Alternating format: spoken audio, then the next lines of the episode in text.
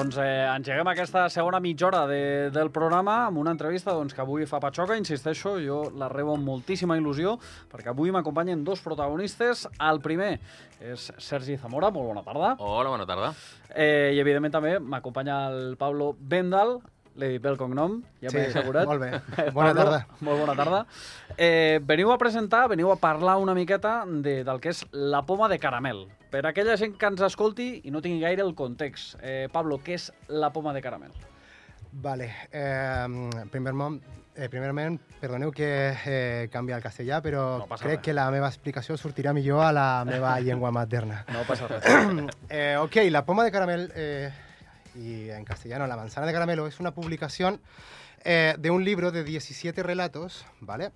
Eh, y algunos extras que son unos cuantos poemas oscuros. Es un libro de terror y ficción que nace eh, para cerrar un ciclo de escritor que tengo, que es el ciclo Nobel, ¿sabes? Que es... Me ha llevado más de media vida poder hacer la publicación del libro. Y por tanto, eh, uno de los relatos se presentó al Premio de Narrativa y Terror de Encamp Sí. y obtuvo el tercer puesto en el 2020. Pero eso fue un aliciente para continuar, ¿sabes? Y para, para poder llevar a cabo esta publicación que se presentó en el San Jordi de este año. Vale. Eh, los relatos son, eh, por supuesto, de terror y ficción, abarcan monstruos que son más allá de, de la fantasía, que por supuesto la tiene, hay cosas muy clásicas como el vampiro, el hombre lobo, pero hay monstruos mundanos que son los que aquejan cada día a las personas, que son, por ejemplo, la desconexión de un padre y un hijo, o eh, verte, verte, verte envuelto en la rutina del día y no poder salir de ella. Y esos monstruos tienen ropajes mundanos y están entre nosotros y se cuelan y son los que más te, te asfixian o los que más te causan terror. Clar, la pregunta és una mica obligada. Amb tot això que m'estàs explicant tu, on entra Sergi Zamora? Què a- pinto jo aquí? Eh, bueno, Què bàsicament... faig jo aquí? Clar, perquè eh, aquí estem parlant d'un llibre, però Sí. clar, aquí tenim un actor eh, de doblatge. Sí, bueno, a mi ara ja m'agrada més dir-me actor de veu perquè, perquè fem moltes... Les branques s'han anat obrint Sí. i fem videojocs, fem audiollibres, ja, per aquí ja anem una mica Per més a ja prop. donant alguna pista. fem doblatge, publicitat. I aleshores, doncs, eh, bueno, com sempre he dit, el vaig conèixer a la Fira de Sant Jordi, buscava un llibre pels meus fills, buscava un llibret per per sortir, va passejar pel Sant Jordi, aquí, i de sobte em vaig trobar com si ara m'ho imaginés, hauria de fer un curtmetratge i només veuria aquella parada, no? L'altre seria com etèreo i només veuria aquella parada amb un sol llibre, que era La manzana de caramelo. El Pablo estava allà amb dos companys meus, eh, dos, dos companys més que tenia allà, un que és el que pinta els grafismes, els dibuixos que hi ha en el llibre, i un altre amic seu, um, i, i que, bueno, pues, que formen tota la, la història de La manzana de caramelo, i vaig anar allà i vaig dir, hòstia, a veure, i el vaig agafar. I em va semblar molt interessant. Vaig veure que havia guanyat un dels premis i que eren relats curts i vaig dir, hòstia, això m'encanta, perquè ja ho havíem fet abans, això de llegir relats curts. I li vaig entrar i li vaig dir, escolta, m'agradaria poder parlar amb tu un dia per, per plantejar-te un, alguna cosa que podem fer junts, no? I així va sortir i hem arribat fins aquí, per poder fer un radioteatre amb curt format d'explicar, de llegir quatre contes, quatre relats i poder-ho fer amb veus tan reconegudes com el Joan Carles Gustems i la Maria Lluïsa Solà que pugen aquí. Bueno, i un senyor que es diu Sergi Zamora, que déu nhi bueno també. també, sí, sí. Home, a, a veure, ja li coneixeu la veu, suposo, perquè ja al final... Eh, però bueno, per posar una miqueta en context, jo t'he conegut sempre com a Simba, eh, Sí. evidentment per edat. Hakuna Matata. Eh, Legolas, eh, l'emperador còmode, Joker, eh, John Wick, que aquesta Sí, m'encanta. sí, sí, sí. Eh, però clar, una de les veus més reconegudes que hi ha dintre del panorama del doblatge. Però és que Tamaret tampoc es queda curta. No, la veritat és que no. de Maria Lluïsa... I després, evidentment, el, el Juan Carlos, que, bueno, pues que, ta, que també té lo seu, no? És que, Sí, sí, sí, sí, sí. Déu-n'hi-do quines tres veus eh, per engegar aquest projecte. Clar, jo això quan t'ho va plantejar no sé com vas reaccionar tu. A ver, esto ha sido como otro subidón de, de adrenalina, ¿sabes? Una inyección de energía. Aparte que Sergio, a ver, es una grandísima persona, ¿sabes? Tiene esa, esa chispa que le hace querer hacer cosas por la cultura, ¿sabes? Yo también tengo eso dentro, esas ganas de poder hacer cosas que, que, que innoven, que remuevan, dar otra opción para poder eh, de- disfrutar de la cultura, de un libro. Y cuando me ha empezado a proponer esto, para mí ha sido todo un viaje, ¿sabes? Que cada vez se ha ido como agrandando más y agrandando más.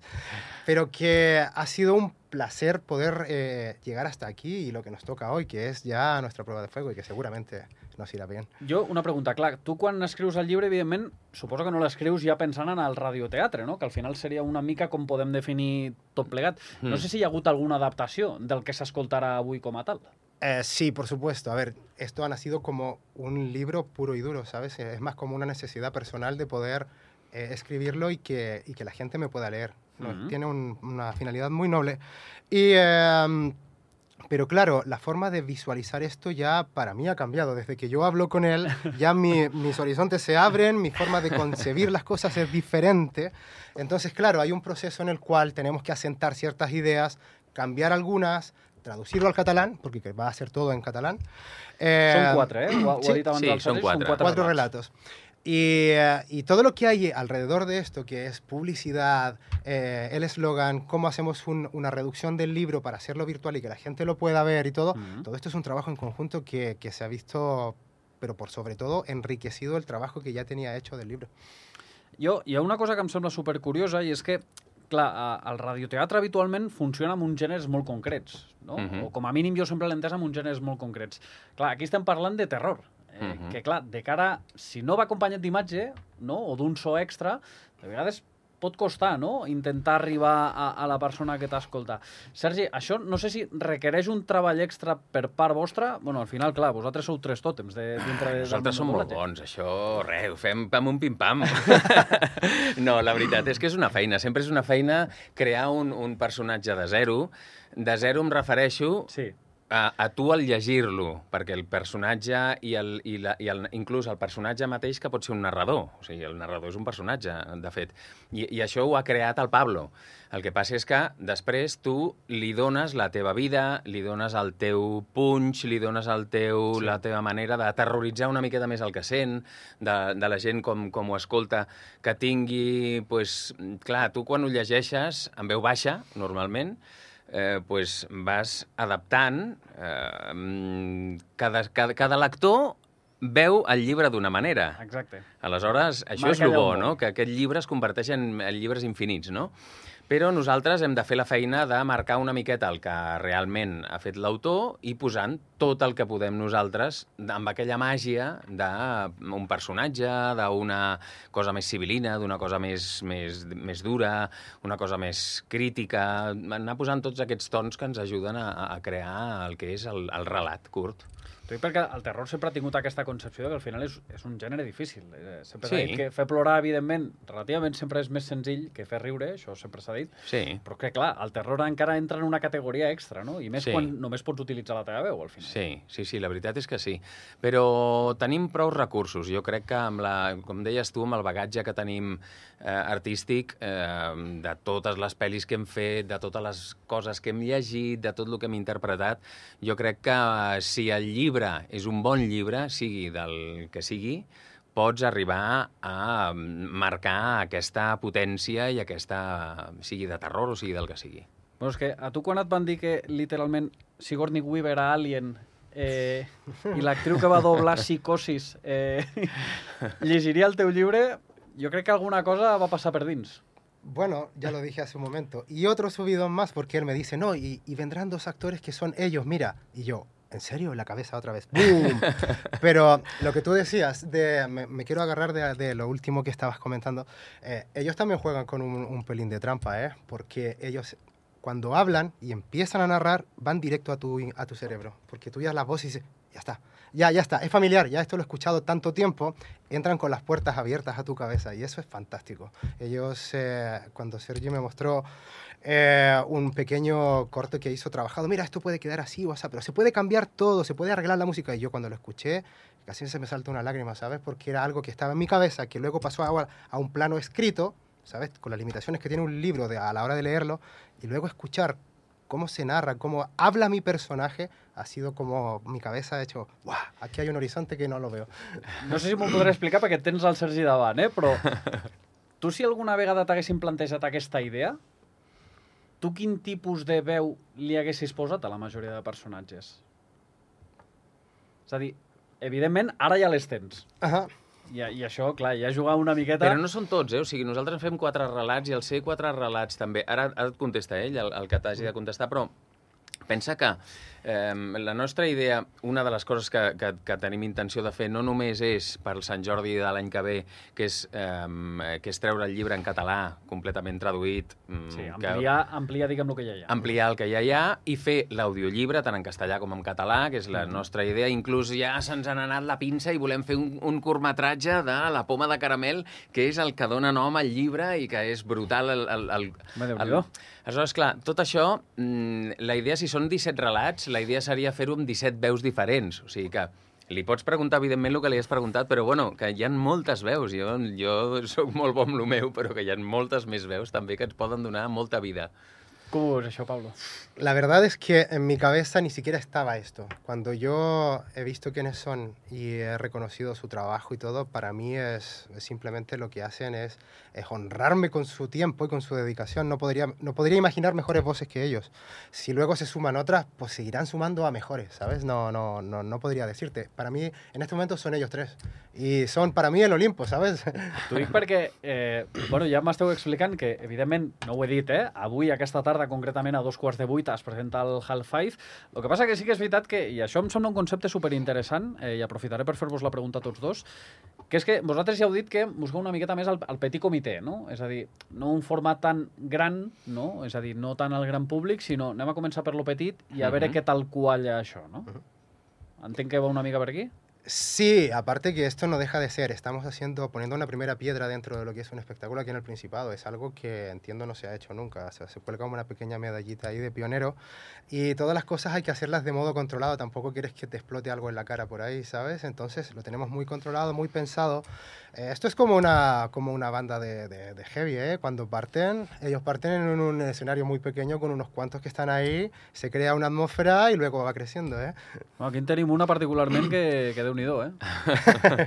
Sí, sí, sí. pues sí, la, la veritat és que la idea de fer-ho eh, és com deia ell, no? És partir d'una base per, mm, més que, mm, com deia ell, eh, per a que no t'exploten la cara, eh, també és per mostrar una mica què volem fer, no? O sigui, mostrar una mica també les nostres intencions a nivell de, com havia dit el Pablo abans, de crear una mica coses que no hi han, eh, recolzar la cultura, apoyar una mica país ja que estem visquent aquí, fer coses noves, eh, augmentar una miqueta el que és tot el món audiovisual, que potser hi han mancances i hi han cosetes amb les que podem aportar el nostre granet de sorra, que en alguns casos és molt gran, pot ser una gran pedra, i aleshores doncs, més endavant mm, serà un, un bon recurs per poder anar a les fontetes a fer un, una, un radioteatre Sí, d'una hora i mitja més- més- a tope, amb tota la gent, amb entrada, perquè en aquest cas això és amb invitació, perquè hem volgut, hem volgut tocar una sèrie de gent i convidar una sèrie de gent que ens interessava o que,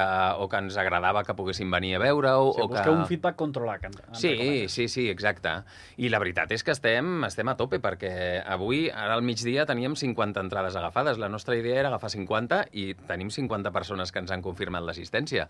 A part de l'equip de treball, o sigui que al final ens muntarem allà que direm esto, espera, estate Una mica- una mica apretats, no? no me quites el chorizo.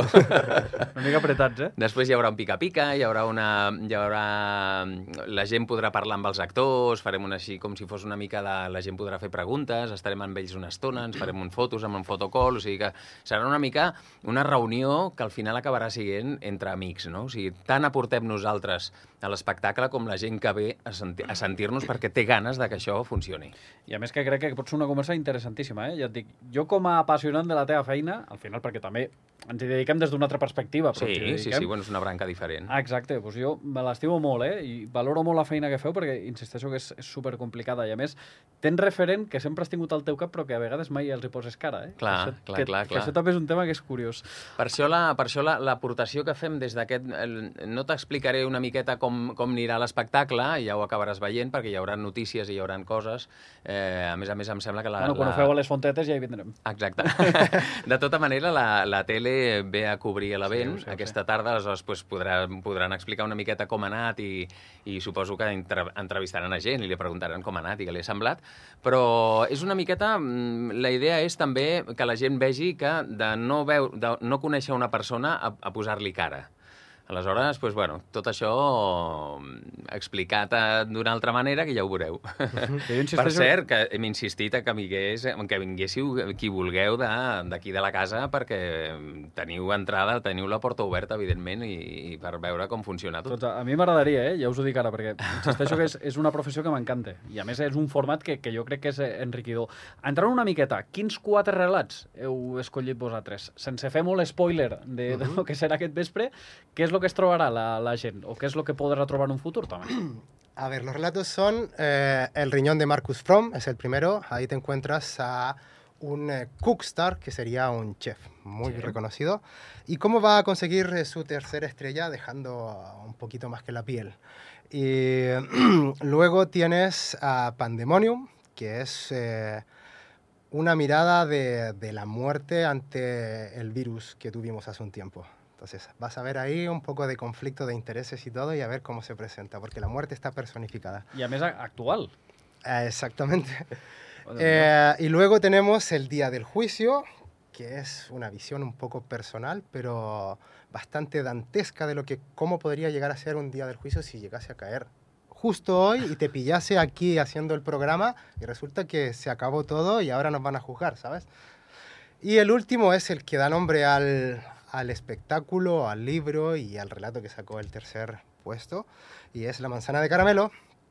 Y es eh, como una inocente manzana de caramelo de una feria puede desatar el ansia de un niño y a ver hasta dónde lo lleva. En què et vas inspirar per fer aquests relats? Uf, en inagotables ideas que tengo en la cabeza nunca se me paran de ocurrir. Soy eh, cocinero de profesión, muchas veces cuando estoy hasta cocinando estoy dándole a vuelta dir, a que la ideas primera y las història ja estoy té, ja guardando. té molt a veure per aquí, no? Bueno, está bien tratada, está bien tratada porque, porque controlo mucho del tema. Y, eh, pero es eso, me, me inspiro en el entorno, eh, en, por supuesto, vivencias personales y en cosas que tengo dentro. Mi hijo se pasea entre las páginas de ese libro, entra y sale cuantas veces quiere, mi hijo pequeño. Es una fuente inagotable de inspiración su cabeza y las cosas que me cuenta y todo. Pero más o menos eso, y tengo a mis referentes, por supuesto, escritores de terror, que son los clásicos, a Lovecraft, a Stephen King, a, Alan Poe, a Horacio Quiroga o a Ray Bradbury, ¿sabes? Son referentes para mí.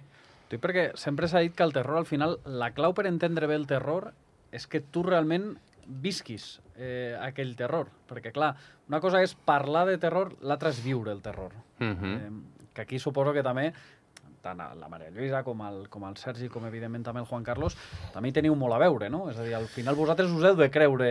Sí, sí, jo crec que dintre de la nostra personalitat múltiple, que ens diria un, un psiquiatre que tenim, per haver fet tots els personatges que hem, que hem fet i, i sempre, sempre pots acabar entenent molt més un llibre que qualsevol altra persona, a lo millor, que no hagi viscut totes aquestes experiències de- d'interpretar pues, un... Mm. L'exercici d'empatia suposo que és més fàcil per tu. Sí, sí. sí. Jo, jo de seguida... O sigui, jo ja t'ho dic, eh? de seguida que vaig veure el llibre i vaig veure 17 relats curts, curts de terror, el meu cap em va fer... "Pf, Això s'ha de fer. Això s'ha de fer. S'ha de fer perquè, perquè una història curta tens molts més recursos per um, Per per explotar-la, utilitzar, per si explotar-la en aquells 10-15 minuts que tens per, per llegir. Aleshores, pues, bueno, eh, vam dir, pues, endavant, i fem i hasta el final. O sigui, l'any que ve anirem a Sitges sí o sí amb el curtmetratge. Déu-n'hi-do, eh? Sí. madera sin patas aquí. De, Déu-n'hi-do, eh? on sigui, o a Sundance o on sigui. O sigui, això s'ha d'explotar perquè és una... És un, és, eh, són relats que ja et dic, al ser curts, donen molta, molta, molta vida, donen molt... Tens molta teca allà per, per explotar. No sé si li has confessat al Pablo, dels 17 que n'hi ha, Mm? fins i tot m'atreveria a dir-te, si volem acotar-ho més als 4 que, que llegireu avui, Uh -huh. quin és el que et marca més a tu? O quin és el que t'agrada a tu particularment més? A mi el que més m'agrada és el de Pandemonium, Vale? que és un que no faré jo. A sobre. bueno, també et diria que estaria lleig que tu diguessis que t'agrada el teu, eh? Però mm, eh, vam parlar, vam entendre que des del, jo de, de seguida vaig veure que no el podia fer jo, que l'havia de fer una altra persona, que en aquest cas... I per què no el podies fer tu? No, sí que el podia fer jo, Em refereixo, per què consideres, per exemple, que no ets la persona adequada? perquè li donarà molt més joc la Maria Lluïsa. Perquè és la mort, és una persona amb molta més experiència, una persona més gran, Sí, la veu veu- d'una dona, o sigui, el, el, el que la mort sigui una dona i que digui les coses que diuen al llibre és meravellós. És, és, és espectacular. A l'hora de repartir els relats de... Bueno, anem a fer el pastís, l'hem Mhm. dividit en quatre, qui li toca menjar-se què? Això ho decideixes tu, Pablo? Ho decideixes tu, Sergi? És una mica de posada en comú entre tots dos? De, bueno, jo crec que hauria de ser ell, però sí, tu és una no mica això, entre els dos vam... Sí, pero a ver, cada cual el que controla más de esto, ¿sabes? Eh, las propuestas en este caso de, de Sergio siempre ha sido muy respetuoso con todo lo que es la autoría y la obra, ¿sabes? Eso también habla muy bien de él, ¿eh? Eh, a la hora de poder tomar decisiones y todo, ha sido todo en conjunto. ¿Y qué te parece esto? ¿Qué te parece esto otro? Pero por supuesto yo me entrego a su conocimiento, si es lógico, él tiene mucha experiencia en esto y para poder determinar este relato pegaría mejor con este, ¿qué te parece este otro con esta voz? Y lo, bueno, lo vamos sacando así. T'ho dic perquè em sembla una reflexió molt curiosa la que ha fet el Sergi, que és l'amor ha de tenir veu d'home o veu de dona? Perquè aquesta és una pregunta... Sí, sí. Clar, no ho sabem, no? No. Claro. És a dir, No, el que passa és que bueno, ens ho vam imaginar així, jo li vaig proposar li vaig dir... De, de fet, jo em vaig llegir el llibre i vaig dir, hòstia, aquest relat m'encanta i m'encantaria fer-lo. De fet, el penso llegir i, el pen, i me'l penso gravar en el meu estudi i el tindré perquè tinc moltíssimes ganes de tenir-lo gravat amb la meva veu i poder jugar amb aquests... Perquè a més són frases molt curtes, són paraules concretes, punt, paraula, punt, eh, frases curtíssimes en les que has de canviar de terror a amabilitat, a dolçor, a... Bueno, és, és espectacular, o sigui, és espectacular. I ja veureu que tots els que vingueu gaudireu moltíssim de la lectura de Maria Lluïsa, a part de la meva i de la del Joan Carles, però que, bueno, poder, poder tenir a la Maria Lluïsa aquí és una passada. Però jo insisteixo, és que és una de les millors veus de doblatge que hi ha. És a dir, bueno, bueno, és així, no, no m'invento res. I el Juan Carlos també, déu nhi eh? Sí, sí, sí, déu-n'hi-do, déu nhi I a tu està lleig dir-ho, però és que, eh, clar, és que està lleig dir-ho perquè estàs aquí, però... però ¿Sabes també- para dónde mirar? Sí, clar, és que al final eh, sou tres de les veus més reconegudes, no? Fins i tot us diria dintre del panorama del doblatge espanyol, més enllà de, evidentment, Constantino Romero i d'altres Sí, dos que hi hi ha hagut, o moltíssima gent, hi ha, Serrano, hi ha moltíssims companys que ho fan meravellosament bé. Però és que, clar, és que vosaltres, ja et dic, sou tres tòtems. Eh, Pablo, jo sé com porten ells més o menys els nervis perquè ja estan habituats eh, a Bueno, això. bueno. Però tu com portes els nervis? Perquè, clar, tu al final estaràs allà d'espectador igual. Así mismo, como tal como lo dices, yo apoyando en todo, mis manos y mi- lo, lo que pase por mí estará ahí. Pero, a ver, yo personalmente el tema de los nervios creo que eh, sirven para, para estar más atento y más, más despierto, pero sí te pueden traicionar. Yo soy de nervios a los 20 minutos antes, pero mucho antes nada, no, para nada. Estoy ahora como nada. 20 minutos antes de ahí ya estaría un poco Si diferente. faig la mateixa pregunta serà diferent, no? La resposta. Si me lo hace claro en una hora y algo más, es otra cosa. Bueno, nervis sempre hi ha, jo crec, perquè com, a més a més ho arrenquem, com tampoc és un projecte personal, personal meu, sinó que ho muntem des de la, des de la productora audiovisual que hem muntat aquí a Andorra, que es diu Nila Studio, i, i que treballa junt, junt amb la amb l'Ulamunt Fotografia, que la, és, compartim, compartim empresa, eh, al final és un projecte en el que no només és arribar allà a llegir, o sigui, has de plantejar, com dèiem, qui reparteix els personatges, com ho fem, què fem, com ho muntem, els, eh, el fotocall, quina, quines empreses ens han ajudat, que ens ha ajudat moltíssima gent d'aquí d'Andorra. Um, eh, com muntes això, com...